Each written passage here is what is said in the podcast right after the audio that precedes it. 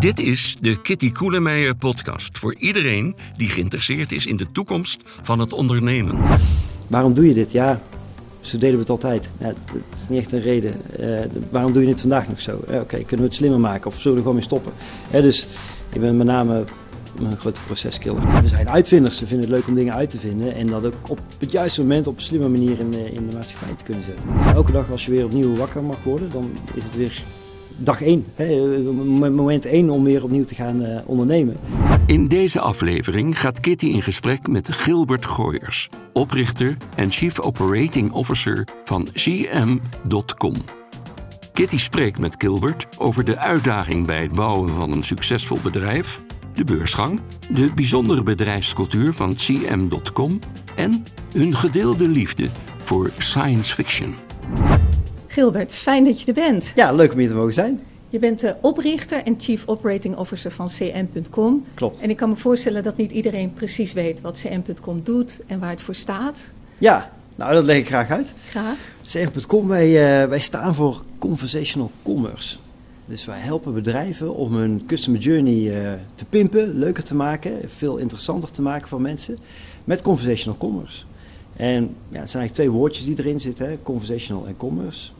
En het conversationele deel is, betekent dat we eigenlijk heel erg goed zijn in allerlei media om een berichtje over te kunnen dragen. Van oudsher doen we heel veel sms'jes, uh, maar bijvoorbeeld ook uh, Apple Business Chat of WhatsApp. Dat zijn communicatiemedia. Ja, twee kanten op. Ja, twee kanten op. Ja, zodat we ja, merken met hun uh, ja, gebruikers, consumenten kunnen praten, converseren. En het commerce deel betekent eigenlijk dat we in die conversatie allerlei hele interessante elementen kunnen toevoegen. Bijvoorbeeld dat je een betaling keer kunt doen, of dat je een ticket kunt krijgen en die je kunt laten scannen bij een festival, of dat je een bestelling kunt plaatsen, of dat je je identiteit kan, uh, kan laten zien. Dus uh, dat bij elkaar zorgt eigenlijk voor een heel mooie, ja, mooie combinatie, een hele mooie productsuite die we nu naar, de, naar de wereld brengen eigenlijk. Ja. En consumenten die jullie producten gebruiken, die zien niet altijd dat het van jullie is, denk ik hè? Ja, we zitten, we zitten best ongemerkt uh, in, uh, in ieders leven. Hè? Maar als je een berichtje krijgt van, uh, van een garage omdat je auto een APK-keuring moet krijgen, dan zitten wij daar vaak achter. nou, als je een belletje deed naar een, een, een lijn van de overheid, dan, dan zitten wij erachter. als je op een webshop een, een, betaling doet om een product te kopen, dan zitten wij daar vaak achter. Dus op heel veel plekjes komen, wij, komen wij terug. En dat, zie, dat ziet de consument niet altijd inderdaad. En je hebt het bedrijf een jaar of 23 geleden alweer opgericht ja. met Jeroen Glabbeek, ja. de CEO. Jullie zijn allebei nog heel actief in het bedrijf. Ja.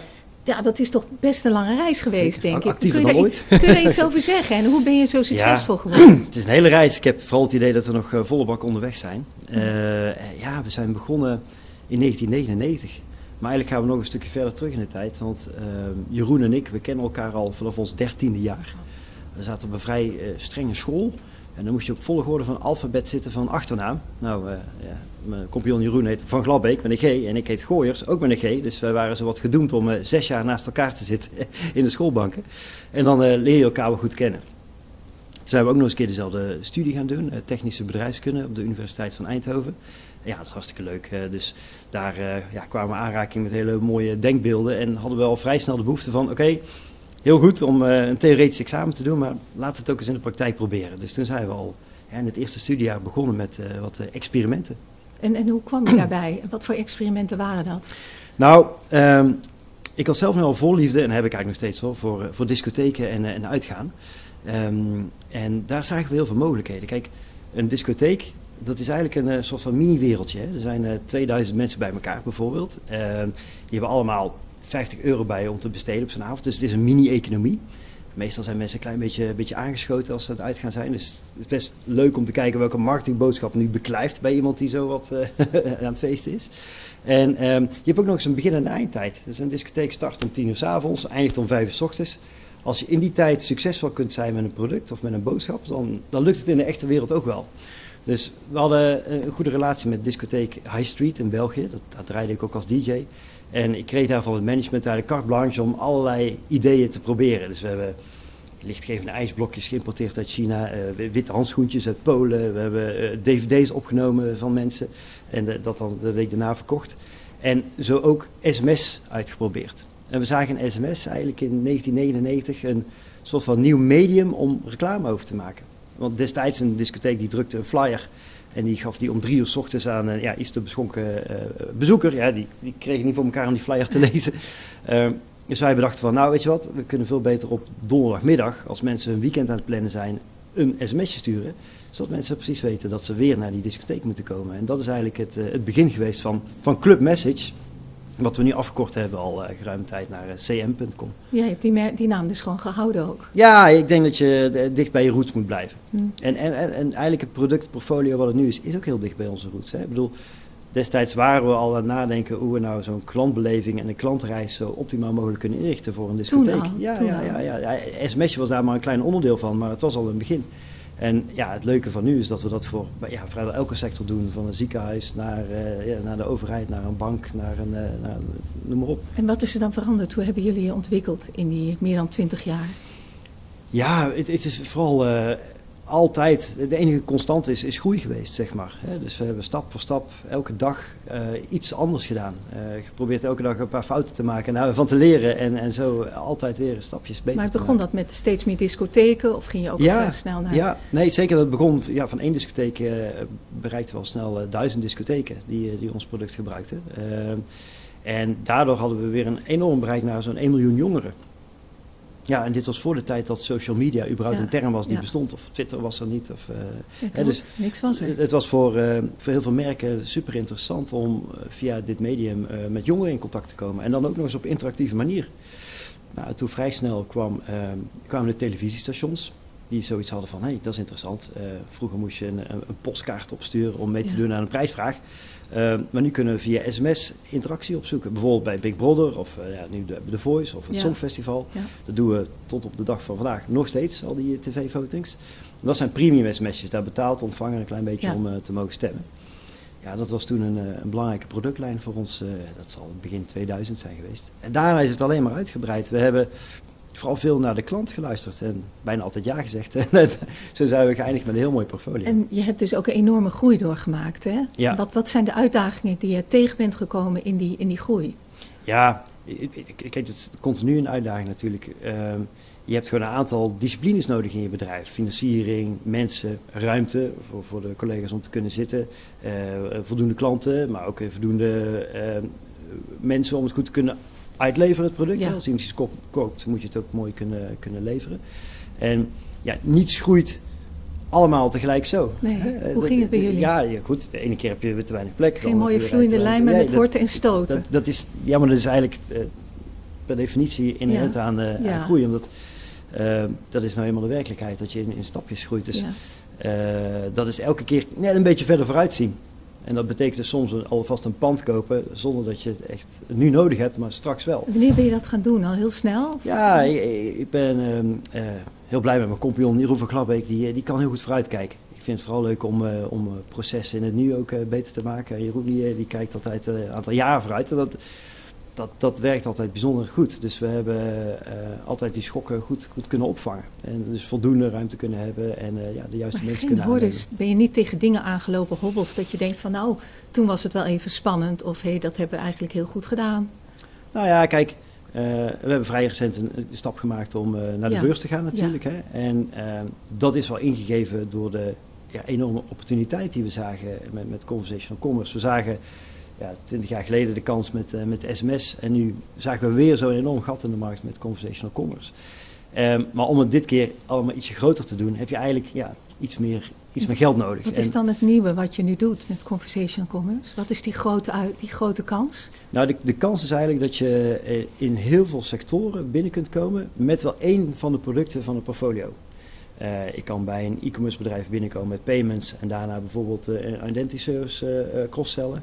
Um, bij een festival zou ik binnenkomen met onze mobile marketing cloud en later ook wel weer een keer de ticketing uh, kunnen doen bijvoorbeeld. Er is altijd wel uh, een hele hoop te cross-sellen. Um, dat betekent dat er eigenlijk een soort van ja, ongelimiteerde uh, wolk aan kansen voor ons is. En dat dan ook nog eens in meerdere landen, in meerdere industrieën. Ja, en als je die potentie dan voor je ziet, dan kun je maar tot één conclusie komen. Ja, we moeten gewoon heel eventjes gas geven en ja. eventjes door een groeistuip heen gaan. En daar is heel eventjes wat geld voor nodig. En dan kun je naar een bank gaan. Mhm. Eh, maar de meeste banken, ja, als je uitlegt dat je iets met sms'jes doet, is toch de vraag van nou, waar, waar, is, waar is jullie magazijn met sms'jes? hè? Ja, nee, ja, Heb je het dat- geprobeerd bij de banken? Oh, nou, we hebben heel lang eh, zijn, zijn we gefinancierd geweest eh, met, met banken. En, ehm, ehm, alleen vaak, en dat, eh, volledig begrijpelijk hoor, vanuit de banken zien, maar die wil toch een bepaalde net debt EBITDA ratio hebben. Hè? Van, je mag, mag zoveel in het rood staan, Ja, of je mag deze kredietfaciliteit hebben, maar dan willen we wel dat je zoveel winst maakt. Kijk, en, en eh, het is voor ons niet zo moeilijk om winst te maken, dat is een keuze. Hm. Eh, alleen als je de hele tijd heel veel winst moet maken, dan, eh, dan groei je wat, wat minder hard. En dat, is dan, dat doet dan weer een beetje pijn als je al die kansen om je heen in de wereld ziet. Dus met, met die beursgang hebben we eigenlijk nu het, de, ja, de, de brandstof om even gas te geven en Hm. de organisatie flink op te schalen, wat we eigenlijk de afgelopen jaren ook flink gedaan Maar als je hebben. beursgenoteerd bent, dan krijg je elke kwartaal krijg je de, de analistenrapporten. Ja. Hè, of moet je je kwartaalcijfers geven, Ja. daar kijken analisten naar. En die kijken ook naar je resultaten. Ja, ja, zeker. Ja. Even goed zoals we ook altijd naar onze eigen resultaten kijken. En ja. Ja, eh, we zijn gewoon van nature een heel transparante. Wat is het verschil met, met de banken, hè, met de bankaire financiering? Waarbij, waarbij je dus een bepaalde schuld-EBITDA-ratio moet hebben. Hè, Ja. Die misschien toch wat strenger is dan dat je nu Ja, hebt. ja. kijk, ehm, het fijne is met een beursgang dat je eigenlijk in één keer een, eh, een, een, een vrij grote faciliteit ophaalt. Waar je dan vervolgens uit kunt, kunt putten. Dus je hebt. ehm, ja, de, de, de, de, de runway is veel langer eigenlijk. In plaats van dat je, ja, wat, wat ik gewend ben met de banken. Ja, zeg maar. Dus dat is fijn. Het geeft iets meer eh, speelruimte en, en, en zuurstof. eh. Hoe Ja. was jullie omzet voor je naar de beurs ging, vlak daarvoor? Of op het moment waarop je besloot om te gaan, moet ik Ja, zeggen. ik denk dat we toen rond de 100 miljoen zaten. Ja, 100 ja, miljoen. Ja, ja. En in- inmiddels is dat een stuk hoger, Ja, dat is meer dan verdubbeld. Ja, ja, Ja. Dus dat, dat is goed. hè. Ja, we moeten lekker, eh, lekker doorgaan eh, natuurlijk in die tred. En Ja. vertel eens van het proces, hè? want jullie eerst- wilden eerst zelf naar de beurs. Dat hebben jullie toen afgeblazen. En nu zijn jullie via een SPAC, Ja, hè, een Ja. Special Acquisitions eh, Company, ja, naar de beurs gegaan. Ja. Succesvol. zeker. Het is een, eigenlijk een heel erg mooi eh, proces geweest. Vooral leuk omdat we die twee eh, trajecten van dichtbij eh, ja, gewoon gezien hebben. Hè. Ja. Ehm, het eerste traject, eh, heel veel investeerders gesproken, de hele wereld eh, over gereisd. En ehm, ja, fantastisch om het verhaal zo, maak te, zo vaak te mogen vertellen. En weet je, het leuke van investeerders is, ze zijn hele slimme mensen. En ze stellen altijd eh, wel echt hele goede vragen. Dus dat, dat helpt ook om je, je bedrijf en je verhaal en, eh, en, en de visie ook goed, goed weer te tunen, zeg maar. Dat is superleuk. Ehm, maar ook heel erg intensief en ook kostbaar. Hè? Het is een kostbaar traject naar de, naar Ja. de beurs gaan. We hadden toen wel een, een vrij turbulente tijd, waarbij tech-startups eh, net een klein beetje minder, eh, ja, minder geliefd waren op de beurs. Dus toen hebben we besloten om, eh, om eventjes een jaartje, of een half jaartje, periode uit te stellen. Eh, en toen kwamen we in contact met eh, Dutch Star Company One. Ja, een SPAC. Ja, vrij nieuw in Nederland. Het is volgens mij de eerste SPAC die zo wat eh, bewoog op de beurs. Zou zomaar kunnen, ja. En ehm, ja, dat was eigenlijk een, een heel mooi huwelijk. Ja, win-win. Win-win-win. Eigenlijk een hele hoop winst en dat, daar hou ik altijd van. Wat was het voordeel van werken met een SPAC voor jullie? Nou, kijk, in die zin is het een, al een ge- gevulde portemonnee die al beursgenoteerd is. Ehm, en wij hadden het voordeel dat we eh, het hele traject gedaan hadden. Dus dat we in het investeerderswereldje ook veel bekendheid Ja. eh, eh, hebben kunnen creëren. En ehm, ja, dat zorgt dan ook voor een hele soepele aftermarket. Wat, wat ook wel heel erg belangrijk is natuurlijk. En die, die beursgang Ja. die heeft je natuurlijk financiering gebracht. Ja. Hè, die heeft je misschien een beetje professionalisering gebracht. Wat, wat heeft het precies gedaan voor jullie, behalve dan die verdubbelde omzet? Ja, het is, het is, een, het is ook een goed marketingmedium eigenlijk. Hè? Ik bedoel, het schept ook vertrouwen. We werken voor grote instituties, voor, eh, wereldwijd, eh, voor, eh, voor, voor, voor overheden. En dan is het toch wel fijn dat je kunt zeggen van, nou, we zijn gewoon een beursgenoteerd bedrijf, transparant, kijk maar wat we doen. Dat, dat schept toch eigenlijk wel veel vertrouwen, dat, dat is leuk. En wat ook wel een leuk bijkomend effect is, ehm, we hebben altijd door de jaren heen van, van onze collega's ook wel eens de vraag gekregen van, nou leuk, het bedrijf is van Jeroen en Gilbert, maar kunnen we ook niet een stukje krijgen of kopen of, of deelnemen? Nou, dat, het was echt heel erg moeilijk om dat je oprecht een waardering moest bedenken. Ja. Ja, dat is nu niet moeilijk meer, want we kunnen elke dag kijken wat de waardering is. eh, En dat doen jullie ook. Jullie laten ook werknemers mee, eh, Ja, mee zeker. Ja, participeren. we hebben nu eh, recent een heel programma ook uitgerold, waarbij mensen dan ook ja, met, met wat kortingen aandelen kunnen kopen, zeg maar. Dus dat is een, een, mooi, een mooi systeem om mensen daar ja, in mee te kunnen laten. En in welke landen zijn jullie nu vertegenwoordigd? Oeh, in principe zijn we wereldwijd actief. Oh. Dus onze producten die zijn wereldwijd te, te gebruiken. Ehm, maar we hebben eh, in een aantal landen echt teams zitten. En dat zijn teams variërend van, eh van 5 tot, tot, tot 50 man. Ehm, die dan ook echt ja, helemaal geroet zijn in, in de lokale gewoontes en in de taal en, en, noem maar op. En ook een eigen netwerk meenemen. En dat is in zo'n 25 landen momenteel waar we actief zijn. Ja. ja. Ja, het is leuk. Het is, het is... Nog steeds uitbreidingsplannen natuurlijk. Ja, ja, ja, we openen regelmatig nieuwe, nieuwe landen. En uh, ja, dat is eigenlijk het is super vet om te doen. Het is mooi om de nieuwe cultuur te zien. En uh, vooral ook te kijken waar nou die ideale, het ideale kruispunt ligt. Hè? Van uh, oké, we hebben hier een land, we hebben hier ons productportfolio. Waar beginnen we nou mee? Beginnen we met sms'jes in het land? Beginnen we met payments in het land? Beginnen we met ticketing? beginnen we met een kassasysteem? En, nou, we kunnen daar het lokale team om advies vragen. En zo kunnen we vrij makkelijk eigenlijk een start maken in een land. De afgelopen 20 jaar, 25 jaar, welke lessen heb je geleerd? Wat is nou het belangrijkste voor jou, wat je geleerd hebt? nou ja, we proberen elke dag wel wat te leren eigenlijk. Ja. Ehm, dus ik, ik, ik vind het altijd leuk om te kijken, wat heb ik nou deze week geleerd? Nou, deze week heb ik geleerd uh, dat uh, we hebben nu een heel mooi onboardingsprogramma staan. Hè. Er zijn veel mensen aan het aannemen natuurlijk. tientallen ja, per? tientallen per, per maand. we zijn van 300 man voor de beursgang naar nu naar zo'n 1000 man. Eh, gegroeid. Dus eh, heel belangrijk voor ons is om eh, die mensen goed cultureel te onboorden. onze cultuur is, is, onze unique selling point. nou ja, je vroeg wat heb je nou geleerd? Nou ja, ik sprak met een, tijdens ons boardingsprogramma hadden we een hotel en daar, daar hadden we een diner samen. En nou, sprak met weer een jonger iemand, begin twintig, en die zei van nou, dit is echt wel de mooiste dag van mijn leven, dit onboardingsprogramma. En dat, dat laat je dan wel even beseffen van ja, wacht even, zelf ben je dan alweer, uh, ja, ik ben 43, maar het is ook wel weer eens goed om met een iets jongere bril uh, te kijken van oké, wat doen we nu als bedrijf? Wat, wat waardeert deze uh, generatie weer? En wat, hoe kun je dat nou optimaliseren ook? En ik vind dat voor een mooie, mooie conclusie van ja, zo'n onboardingsprogramma ook echt leuk is voor mensen. Ja. ja. dat is inderdaad een mooie learning deze week, maar ja. over het hele periode nog iets? Over de hele periode, ja. Um, proberen goed, goed voor, vooruit te kijken, zeg maar. Hè. En um, ik vond het zelf ook wel fijn dat we heel erg lang zelfstandig zijn eh, geweest. Dus uh, ik, ik, zie soms best wel snel bedrijven die lopen te wapperen met hun aandelen. We zijn net uh, één of twee jaar bezig en ze zeggen van nou wil je alsjeblieft een steek kopen. En ja, mijn advies is altijd veel niet snel die aandelen allemaal weggeven. Blijf gewoon lekker op zitten. Denk even goed na welk probleem je wilt oplossen. Heb je financiering nodig of heb je kennis nodig? Of maar je kunt die aandelen altijd nog wel een keer eh, weggeven, maar niet zo snel. Dat, dat, ik denk dat dat wel een wijze, wijze les is. Je ziet natuurlijk wel start-ups waar de founders bij een exit bijna niets aan overhouden. Hè? Ja, dat komt natuurlijk daardoor, mede daardoor. Ja, zeker. Dus in die zin moet je als founder ook wel goed, goed opletten. En uh, ook zeker weten wat je zelf leuk vindt om te doen. Nou, voor mij en Jeroen is het eigenlijk altijd heel helder geweest. Wij willen gewoon uh, heel lang lekker door blijven werken. Uh, wij zijn niet gedreven door geld. Uh, we vinden het gewoon leuk om een uh, toffe dagbesteding te hebben. En dat probeer ik eigenlijk ook te bewerkstelligen voor onze duizend collega's. Dat ze gewoon een, een leuke dag, dag je, hebben. Je sprak even over de cultuur van cm.com. Ja. En ik vraag me af, wat, wat typeert jullie cultuur nou? En hoe is dat ja, aan het veranderen? Ja, nou, eigenlijk verandert die niet zoveel. Dat, dat, dat, daar maak ik me elke dag wel hard voor. Dat die blijft zoals die is.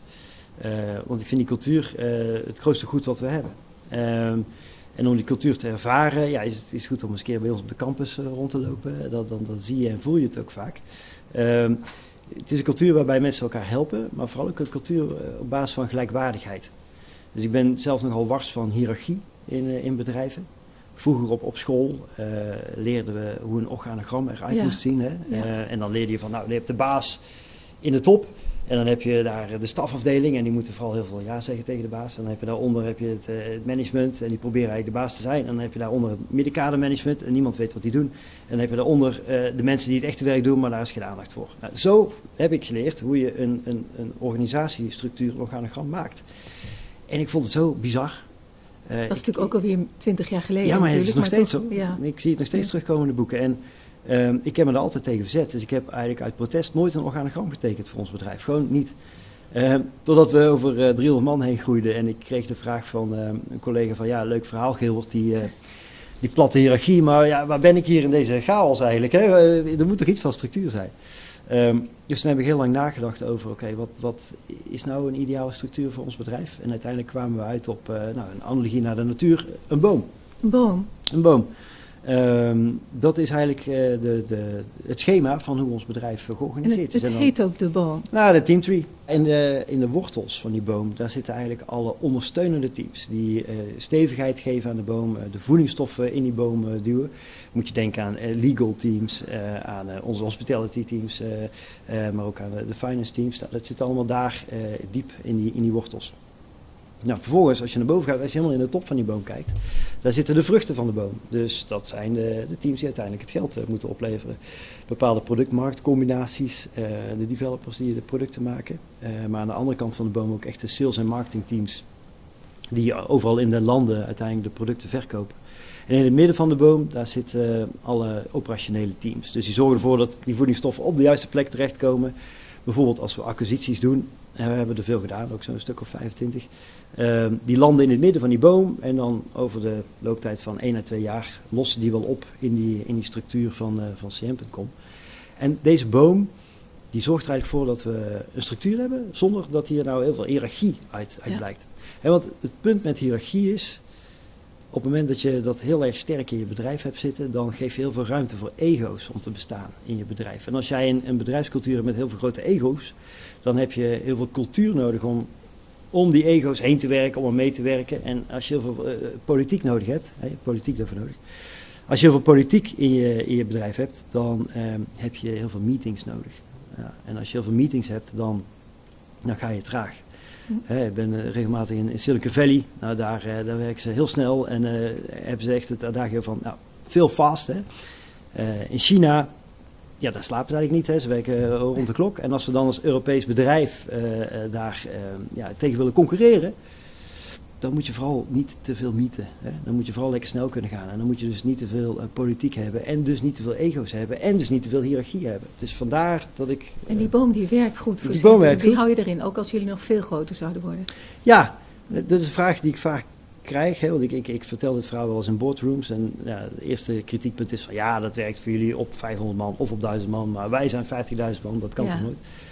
Maar ja, weet je, er zijn ook hele grote bomen. Sequoia's zijn echt heel erg groot. Uh, Dus ik, ik ben er eigenlijk wel van overtuigd dat deze boom ons uh, tot, tot, uh, ja, tot, tot, tot, verdere hoogte kan, kan brengen. Als je die boom vergelijkt met bijvoorbeeld holacracy, ja. Dat je, dat je, hoe, hoe kijk, hè, dat, dat, dat je alles van onderaf doet, dat je, dat je zelfsturend bent, dat je ja. niet met budgetten werkt. Hoe kijk je daarnaar? Ik, ik, ik dus een bedrijf als Seppels doet dat. Ja, ja, ja, ja holacracy, wat me daar een beetje tegensteekt is, ja, het voelt een beetje als een spelletje, zeg maar. Van, uh, nou heb jij deze rol, oh en ik heb deze rol. En laten we deze rollen hebben. En weet je, zodra het allemaal iets te veel opgelegd is en iets te veel met regeltjes te maken heeft, dan, dan vind ik het al ietsje gemaakter eigenlijk.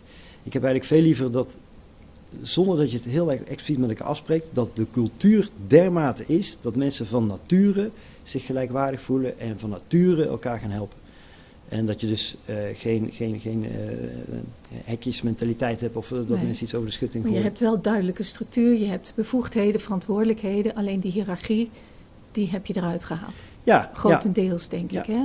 Ja, ja die is nooit volledig. Ja, zeker. Nee, je, je, hebt bepaalde rollen die ook alweer een bepaalde uh, functie natuurlijk binnen het bedrijf hebben, waar uh, teamleads bijvoorbeeld.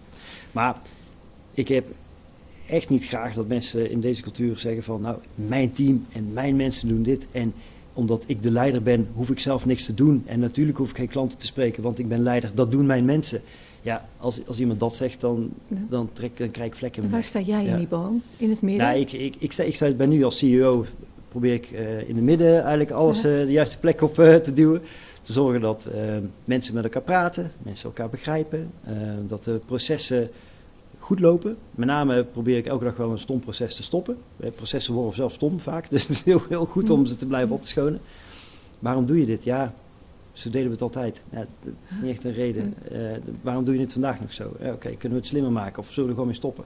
dus ik ben met name een grote proceskiller. Ja. Beschouw je jezelf ook echt als een klantgerichte organisatie? Um, hmm, ja, hmm, ik, eerder een, een, een mensgerichte organisatie. Hmm. Onze collega's. Ik ben, ik ben er heilig van overtuigd dat als uh, onze collega's lekker in hun vel zitten, kunnen doen wat ze leuk vinden en kunnen doen waar ze goed in zijn. En dat ze iets kunnen bijdragen voor zichzelf, voor het bedrijf en de maatschappij. Als dat lukt, dan komen er vanzelf wel goede producten uit. En als dat lukt, dan wordt die klant ook alweer een keer tevreden. En als dat lukt, dan komt er ook alweer een keer winst uit. En van oudsher zijn natuurlijk bedrijven net andersom georganiseerd. Hè. Winst, winst, winst, winst. Ja, ja die klant maar wat voor als hij maar koopt. En die producten mogen best wel crappy zijn, boeit niet. En naar personeel kijken we helemaal niet om. Ja, wij hebben dat helemaal omgedraaid, eigenlijk al vanaf dag één. En dat betekent dus, ja, op de vraag ben je klantgericht? Ik denk dat we collega gericht zijn.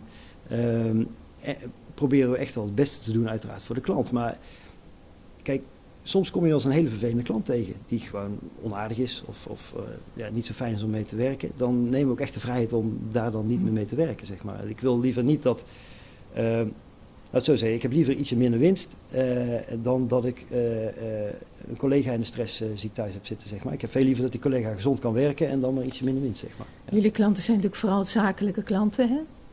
Ben je ja, nee, actief op de B2B2C. consumentenmarkt zelf? Hmm, nou, eigenlijk niet zoveel. Nee, nee. We proberen wel uiteraard de consument extreem goed te snappen.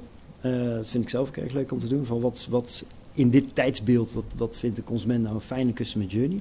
Maar onze producten zijn B2B, 2C, ja, uiteindelijk. Ja, ja. En dan ben je aanhanger van effectuation uh, ja, zeker, ja. hoe je het wil noemen? Ja, zeker. Ja, ja, ja, ja, fantastisch. Ja, ik heb dat... Wat, wat is dat?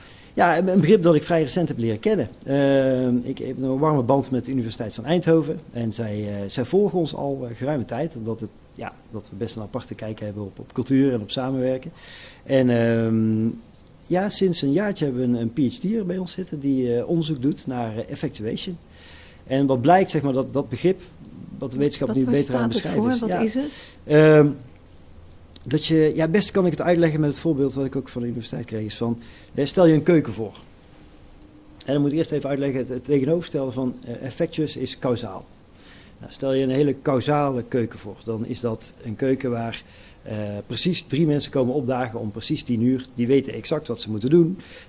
Links staan alle potten, rechts staan alle ingrediënten. En om twaalf uur hebben we een taart nodig en die ziet er precies zo uit, zoals op deze foto. Nou, dat is een hele kausale keuken.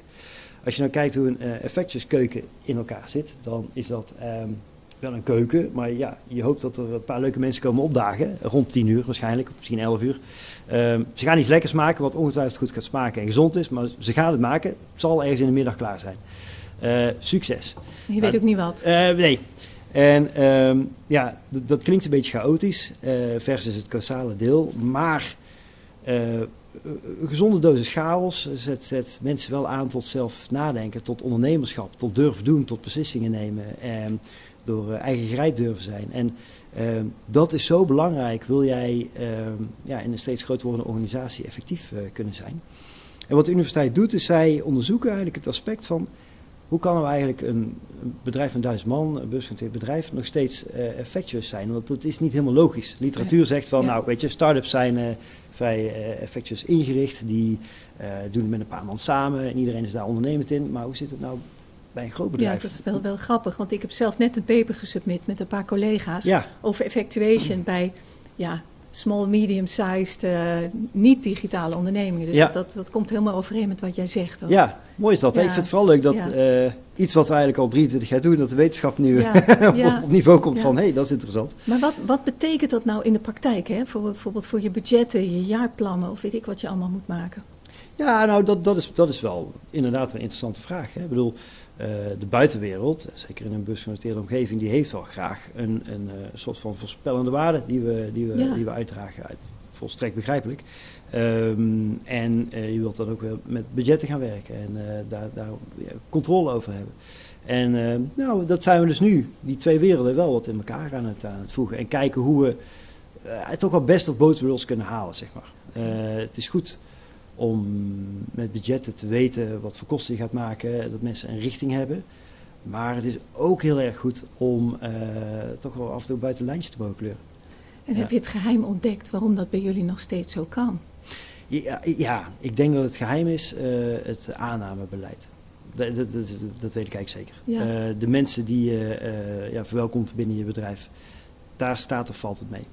En dat betekent dat we in de sollicitatieprocedures en de gesprekken die we met mensen hebben, uh, gewoon heel goed moeten filteren op mensen die zich thuis voelen in zo'n cultuur en zo'n manier van werken. Hoe doe je dat? Nou, kijk, als jij uh, midden in je carrière bent, je bent 40, uh, 50 jaar oud, uh, en je hebt altijd een hele kausaal georganiseerde bedrijf gewerkt, dan kan het zijn dat je ons een beetje raar vindt over hoe we dingen doen. Ehm, en dan, dan, dan hebben we daar vaak wel een ja, soort van ja, trainingsprogramma voor nodig om, om die... Want hoe selecteer je dat van tevoren nou, uit? Uiteindelijk door gezellig te kletsen met iemand. Ik bedoel, in een sollicitatiegesprek vind ik altijd tof om gewoon te babbelen als je met iemand babbelt aan de bar. En als mensen ja, zich nou, verbonden voelen met het feit dat ze zelf mogen nadenken. Dat ze niet per se moeten wachten tot iemand iets uh, vertelt. Uh, dingen durven doen, fouten durven maken. Ja, dan, dan, dan heb je al snel door, dit is een match. Ja, je hebt eigenlijk een gezonde dosis ondernemerschap nodig in, in elke collega.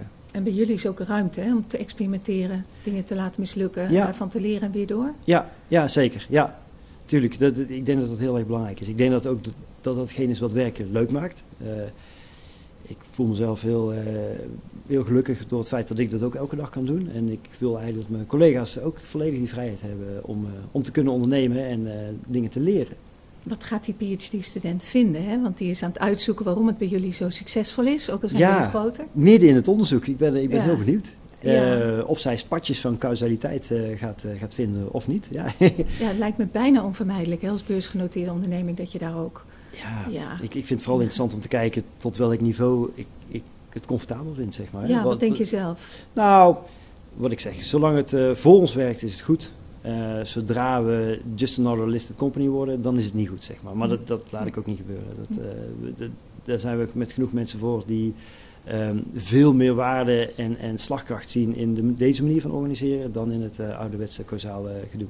En dan moet je de geschikte mensen vinden in een markt waar ja, eigenlijk een vraagmarkt is. Hè? Ja. Eh, mensen kunnen, kunnen kiezen waar ze werken. Ja. Er is een war for talent aan de gang, of een war for people, hoe je, hoe je het wil noemen. Je hebt verschillende generaties op de arbeidsmarkt. Ja.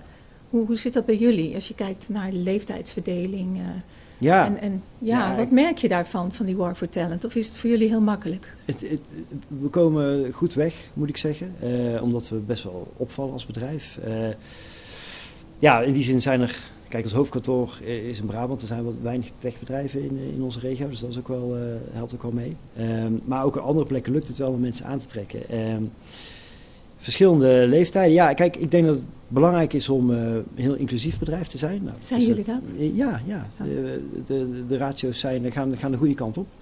Um, ik ben daar best wel tevreden over. En ik vind het ook heel belangrijk om dat te zijn, omdat ik denk hoe een betere afspiegeling bent, je bent van de samenleving, hoe beter je als bedrijf de samenleving ook kunt snappen. En hoe beter je dus ook weer producten kunt maken voor die samenleving. En uh, ja, dat, dat, dat, is gewoon extreem belangrijk. En, en duurzaamheid, hè? maatschappelijk verantwoord ondernemen, zijn jullie ook mee bezig? Ja, ja. Kijk, over de, over de jaren heen is het vooral mooi om te zien wat uh, elk tijdsframe weer voor belangen meeneemt eigenlijk. Hè? Uh, als je een bedrijf start in het jaar 2000, was het meer uh, ja, met Wild Online, hè, profielen zijn geld waard en, uh, en snel geld ophalen, dat soort zaken. Ja, we leven nu in een ook wel weer best een apart tijdframe, waarbij thuiswerken een mm vraagstuk oplevert. Um, ja, als je nu ziet, ja, inclusiviteit is gewoon belangrijk, maar ook ESG, environmental, social, governmental roles. Hoe verhoudt dat zich tot het sponsoren van de Formule 1, wat jullie ook doen? Ja, nou, uh, die, die vraag kreeg ik laatst van onze ESG-persoon. Dus we hebben een, uh, iemand uh, in huis die puur alleen hiermee bezig is. Um, waarbij we proberen om ja, ook, ook onze collega's zo goed mogelijk te betrekken. Um, kijk, het mooie van, van Formule 1 is dat we eigenlijk heel veel problemen kunnen voorkomen. En ook heel veel uitstoot kunnen voorkomen door goed te communiceren. Op het moment dat jij elke dag 100.000 man naar een circuit moet halen en die mensen komen goed geïnformeerd, uh, goed voorbereid aan. Ja, dan kun je ook echt wel 70.000 auto's eh, thuis laten staan bijvoorbeeld. Dus dat, dat, dat voegen we daartoe. Dat is wel, wel mooi om te zien. Met behulp van die Formule 1 sponsoring? Ja, ja omdat we, ja, sponsoring is maar een deel, dat is gewoon om ons bekend te maken. Maar we, we, zijn leverancier ook voor het circuit. Eh, voor de Formule 1, waarbij we de ticketing doen, waarbij we de payments op locatie doen, uh, waarbij we de messaging doen, de, de, race engineer waarmee je kunt chatten en vragen kunt stellen. Uh, alle binnenkomende vragen worden via onze mobile service cloud tool afgewerkt. Uh, dus we hebben daar ja, technology-wise een, hele, ja, een hele stempel eigenlijk om te zorgen dat dingetjes soepel verlopen. Hoe zijn jullie daarop gekomen om Formule 1 te sponsoren? Hoe ging dat in zijn werk? Het is toch ehm, een commitment wat je afgeeft. Hè? Ja, zeker. Ja, kijk, Formule 1 is mooi omdat elke keer weer de grens van technologie opgezocht wordt. Nou, dat, we vinden dat we dat zelf ook doen, dat we dat ook moeten doen. Hè, Als om, uh, merk ook. Ja, het is, uh, we zijn uitvinders. We vinden het leuk om dingen uit te vinden en dat ook op het juiste moment op een slimme manier in, uh, in de maatschappij te kunnen zetten. Nou, dat, dat, dat uitvinden, dat wordt daar ook gedaan. Hè. Ik las net nog een artikel onderweg naar hier Um, ja, Mercedes, die ook op zijn auto iets, iets kleiner heeft gemaakt om net die luchtweerstand weer wat slimmer te doen. Ja, dat, dat, dat is wel kicken, weet je wel. Altijd die grens blijven opzoeken. Dus dat, dat trekt ons aan. Um, maar vooral ook uh, omdat we met Formule 1 een voorbeeld hebben van hoe, uh, uh, hoe breed ons portfolio benut kan worden in, in zo'n event. bijna alles wat we te bieden hebben, van de hele stal van conversational commerce, ja, kunnen we gebruiken bij, bij zo'n event. En dat is dus een hele mooie use case. Dus je bent er wel tevreden mee, je blijft het ook doen? Ja, ik ben heel tevreden mee. Ja, ik vond het... Uh, het meest mooie vond ik nog dat ik gewoon uh, bij, de, bij de start van de raceauto's op zondag... dat ik uh, collega's in, in tranen zag van ja, al hetgeen waar naartoe gewerkt is... en alle nieuwe software die we daar hadden draaien. Dat, dat, de trots die zich uitspreekt van, van mijn collega's, dat, ja, daar, dat, daar doe ik het eigenlijk voor. En misschien ook wel een beetje een jongensdroom, hè? Daaromheen nog. Ja, ja, kijk, die jongens over mij is meer dat we even leuke dingen doen met leuke mensen. Uh, ik ben zelf geen, geen grote racefan of zo. Ik, heb, uh, ik snap de regeltjes bijna. Uh, maar ja, wat ik zeg, die, die, die jongens is dan toch een mooie organisatie bouwen. En, en, en, en dat, dat manifesteert zich heel zichtbaar op zo'n op zo'n dag. ja. En nu zei je, ik wil, we willen niet just another corporate worden. Hè? Mm. Dan ga je naar de beurs, je groeit, je wordt groter. Kan natuurlijk nog veel groter. Maar hoe zorg je nou dat je relevant blijft? Hoe zorg je nou dat je in die veranderende omgeving, want het gaat allemaal razendsnel, mm. dat, je, dat je mee ontwikkelt?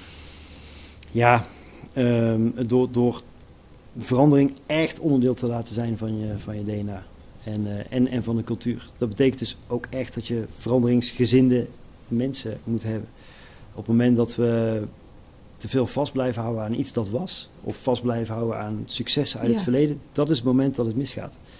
Um, dus ja, ik, ik zie zelf ook echt een beetje als filosofie, weet je wel, elke dag als je weer opnieuw wakker mag worden, dan is het weer dag één, hè, moment één om weer opnieuw te gaan uh, ondernemen en goede dingen te doen.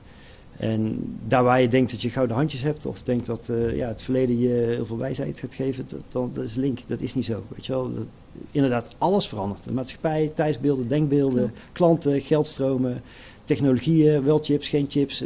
Ja, eh, op de duur maakt het allemaal niet uit, joh. Verander maar. Al, al, al verdwijnt de zon, dat past ons ook heel wel aan. Heb jij een visie op de toekomst? Welke veranderingen zie je de komende drie tot vijf jaar waar je op in moet spelen? Goh, nou, dat is een interessante vraag.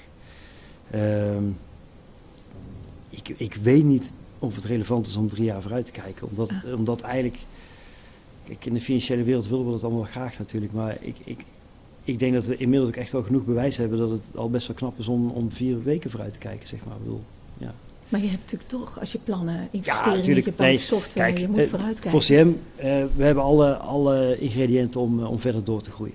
En dat is eigenlijk gewoon stukje executie op dit moment. Het denkwerk is allemaal mm. gedaan. Mm. Het gewoon zorgen dat we uh, die, de acquisities op de juiste plek uh, lekker aan de gang krijgen. Dat die goed kunnen schalen in de buitenlanden. De buitenlandse teams lekker draaien.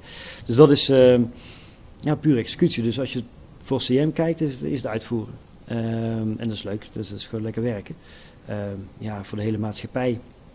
Nou, jullie rol daarin ook, hè? Ik bedoel, want ja, gaan toch dingen veranderen. Nou ja, kijk, voor ons is het goed dat we... Um, nieuwe kanalen. Denk bijvoorbeeld aan, aan Meta. Ja. Hè? ja. Hele nieuwe omgevingen waarin je opereert. Ja. Gaan jullie ook diensten aanbieden, aanbieden in dat nieuwe kanaal? Als het zin heeft. Ah. Ik bedoel, kijk, ik vind het heel leuk, net als Formule 1, om op het scherpst van de snede dingen te ontwikkelen. Maar het moment om ze daadwerkelijk commercieel in te gaan zetten, dat hoeft niet per se het moment te zijn dat iets ontwikkeld is. En dat is ook wel een fout die, uh, ja, als je vraagt wat zijn dingen die je geleerd hebt die veel start-ups maken. Ja. Ja, ik heb hier een heel mooi apparaatje gemaakt. Ja, hele mooie technologie, top, uniek. Maar uh, ja, zou mijn moeder het kopen? Hè? Uh, zit de wereld erop te wachten nu? misschien moet je het heel even in de koelkast laten liggen. Nou, en dat vind ik heel erg belangrijk. Dus als je zo'n voorbeeld geeft als, als Meta. Ja, goed toen ik vroeger naar de mega jongerenfestatie ging, had ik ook al een VR-bril op en liep ik ook al in de 3D-wereld rond. Zo heel nieuw is het nou ook weer niet. Hè. Ik snap dat Facebook iets vernieuws moet wegzetten, maar um, ik wacht liever heel even tot, tot iemand daar dan weer een mooi businessmodel in laat zien. Ja, dus je wacht op bewijs ja, en dan ja, ja, je snel. Ja, we hebben genoeg te doen. Hè? Dus ik hoef niet per se overal het, uh, het pad te banen. Dus ik vind het prima om, uh, om een concurrent echt eerst te laten zijn. Of een, uh, iemand te laten bewijzen van... hé, hey, wacht even, we kunnen een geweldige customer journey in, in de metawereld creëren. Nou, dan zijn er wel als kippen bij, maar kom maar met dat bewijs. Maar welke bedrijven kijk je dan naar? Wat zijn jouw voorbeelden? Nou ja, weet je, tof is... Ehm, omdat we zo veelzijdig zijn, hebben we eigenlijk best veel concurrentievelden. We hebben messagingbedrijven wereldwijd uh, die, die, uh, die actief zijn. Dat is een apart concurrentieveld. Maar ook ja. uh, de PSP's, de Payment Service Providers, die ja, ook een zeer inspirerend concurrentieveld geven. Maar ook digitale signeerbedrijven. Dus ja, elke dag kan ik eigenlijk wel kiezen van bij welke concurrent willen we eens gaan kijken ja. om iets te, iets te leren. Ehm, de combinatie van die, al die producten, daar hebben we eigenlijk geen concurrentie in. En dat, en dat is nou hetgeen wat we eigenlijk goed moeten, moeten benutten. Ja, want dat is best verrassend. Wat, wat maakt dat zo onwaarschijnlijk? Wat, wat, waarom, ja, wat kijk, maakt het zo moeilijk? Uh, ik denk dat uh, je hebt een best veelzijdig DNA nodig om veelzijdig te kunnen zijn. Uh, een telecombedrijf heeft echt daadwerkelijk een heel ander DNA als een financieel bedrijf. Die, die vinden elkaar een beetje eng, weet je wel. Operatoren en banken, die, die begrijpen elkaar echt, echt nooit. Nee, um, een telecomprovider wil vooral niks doen wat iets met geld te maken heeft, want dan moeten ze weer allemaal enge, enge licenties gaan halen. Nou, we hebben dat allemaal wel. Omdat we zo ja, open-minded zijn, denk ik, en uh, uh, veelzijdig zijn. Zijn, we een telecombedrijf, zijn we een, uh, ook een paymentsbedrijf. Zeg. We kunnen beide werelden in één gebouw, bij wijze van spreken, in één organisatie bij elkaar voegen. Uh, en ik denk dat dat eigenlijk onze unique, uh, unique selling point is. Ja. En over de toekomst gesproken, hè? wij delen een gezamenlijke liefde voor science fiction. Ja, nee, zeker. Dat vind ja. je niet bij iedereen. ja, nee, wat, wat is het in, wat, welk type science fiction vind je leuk en wat spreek je er zo in aan? Ik, uh, ik vind vooral um, iets wat met tijd te maken heeft. Mm -hmm. Dus tijdreizen of, of terug naar het verleden of rare dingen met tijd. Dat vind ik, daar word ik heel erg blij van. Heb je er nog een psychologische duiding bij? Ja, ja daar ben ik nog niet helemaal achter. Waar komt dat vandaan? waar het vandaan komt. Nou ja, nee, ja, ik geloof eigenlijk niet dat tijd bestaat. Maar dan komen we een heel filosofisch verhaal. Hoor. Dus uh, misschien voor een andere podcast. Maar uh, dat is niet echt te geloven, dat is ook gewoon bewezen eigenlijk. Maar uh, dat, dat vind ik leuk en ja, in meerdere dimensies, weet je wel. Dat, ik krijg heel veel inspiratie vanuit science fiction, omdat vaak meerdere dimensies daarin voorkomen. En ik vind um, in het bedrijfje spelen ook wel heel erg tof als je multidimensionaal kan denken. Hè? Ja. Vooral ook als je een verbinder wilt zijn. Om de financiële persoon goed te laten praten met de productowner. En goed te laten praten met de klant. Dat zijn allemaal dimensies. En ja. Ja, als je die allemaal toch woepen in één, ja, in één dimensie kunt krijgen. Dan, dan ben je vaak succesvol. En ja, als ik kijk naar Star Trek Discovery, ja, daar word ik toch heel erg blij van. Dat vind ik echt heel erg leuk. Er zit alles in dimensies tijd.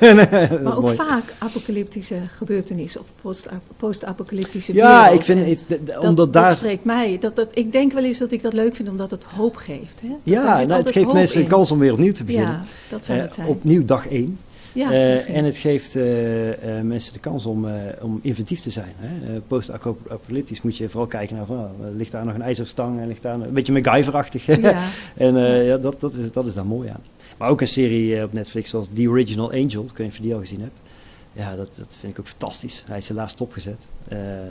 en dat, dat is ook zo'n enorm wazige serie, maar waarbij je ook echt dezelfde karakters elke keer in een nieuwe dimensie uh, uiteindelijk toch in hetzelfde lot terechtkomen. Ja. ja dat, dat, uh, daar word ik heel blij van. Lees je ook science fiction boeken? Ik, ik kijk met name veel. Ja, ja, ja, ja, ja. ja tijd is soms uh, wat kort en dan gaat kijken sneller. Dan hoe zou het komen dat er zo relatief weinig mensen zo van science fiction houden? Ja, misschien heeft het een hoog nerdgehalte of is het... Uh, je, je hebt denk ik wel een open mind nodig om soms de verhaallijnen mee te kunnen krijgen. En uh, ja. ik, ik vind het al snel logisch ja, wat in science fiction langskomt. Maar, als maar ik dan, je, uh, je ziet ook, de ondernemers in Silicon Valley, die, die zijn ook vaak geïnspireerd ja, door wat je leest in science fiction boeken. Misschien gaat het ook een beetje wederzijds, hè, dat die science fiction schrijvers zich ook weer geïnspireerd voelen Zeker. door hen. Ja, ja, ja, ja, En dat, uh, ja, dat, dat geeft het gevoel dat, dat er van alles mogelijk is. Hè? Ja, ja, klopt. Dat is het, ja, en, uh, leuke in, in, ook een maakbare toekomst in die zin. En daar geloof ik ook wel in. Hè. Ik geloof dat ja, verantwoordelijk bent voor je eigen geluk. Ik denk dat geluk maakbaar is. En uh, nou, dat zie je ook in die zin wel vaak terug in science fiction. Uh, ja, nee, Ja. Ik, ik- bijzonder inspirerend. uh, Nou, ja. daar kunnen we ook nog Ja, daar kunnen we lang over praten, ja. Ehm, tot slot, heb je nog advies voor jonge ondernemers en managers? Hmm. Ja, goh, ehm, door dingen vooral gewoon te doen eigenlijk. Hè. maar vaak... niet als een kip zonder kop, toch? Mm. Of juist wel? Nou, ik heb zo'n kop die, die vliegt niet ver. Maar ah. ik denk dat uh, op zich wel goed is om, uh, om, om te durven doen. Vaak, zeker in mijn tijd was het zo, was, was ondernemen een beetje raar. op de universiteit vroeger zeiden ze ook van, nou, je moet toch gewoon bij Philips gaan werken of, of bij een consultantbedrijf. Maar ondernemen, dat, dan ben je toch een drop-out? Of, of, hoe zit dat dan? dus gelukkig is dat helemaal anders nu hoor. Ja. En worden ondernemers goed gestimuleerd vanuit de universiteit. Maar uh, het kan ook je ouders zijn die zeggen van nou, zou je dat nou wel doen? Uh, je kunt hier gewoon beter bij uh, advocaat worden of zo, weet je wel. Dus het is toch wel leuk om een beetje tegen draad te zijn en gewoon ja, een beetje je gevoel te volgen en ja, te, te, durven doen. ja. ja, we zien natuurlijk alleen de succesverhalen. Maar je kunt ook zeggen, ik, ik, ik probeer het en ik, ik kan altijd een andere richting nog uit. Ja, is dat wat je zegt? Ja, in Amerika is, is iets anders, die cultuur. Daar zijn ze vaak trots op als er iets mis is gegaan. Hè? En dan delen ze dat ook uh, vervuldig. En hier is dat, hier is dat wat minder. Als je één keer een failliet, uh, op je naam hebt staan, dan heb je daar best wel wat last van. Ja, desalniettemin, um, ja, mensen moeten doen wat ze leuk vinden. En uh, ja, ik denk, kijk, als een jong iemand van hart, in hart en nieren ondernemer is, dan komt dat er echt wel uit. En dan, ja, dan probeer vooral je, je, je dromen erin waar te maken. En je goed te laten adviseren. Ik denk dat ik vind het ook leuk om te doen. Ik adviseer ook vrij vaak uh, ondernemers en jonge ondernemers. Ja, na zo'n gesprek heb ik toch het idee van, nou, nou die misschien wel een paar jaar aan ellende kunnen besparen of zo. Dus uh, je kunt van uh, mensen, en dat doe ik zelf ook, ik, ik luister graag naar ondernemers die me voor zijn gegaan. Het is gewoon altijd haar de goede tips uit en dat, dat scheelt je gewoon tijd en geld. Ja, dankjewel Gilbert. Ja, Fijn dat je er was. Graag gedaan. Nou, bedankt dat ik er mag zijn. Dit was de Kitty Koelemeijer podcast. Als je dit gesprek interessant vindt en vaker dit soort gesprekken wilt zien of horen, druk dan op die bekende knop. Want dan weet je één ding zeker: de podcast van Kitty wordt vervolgd.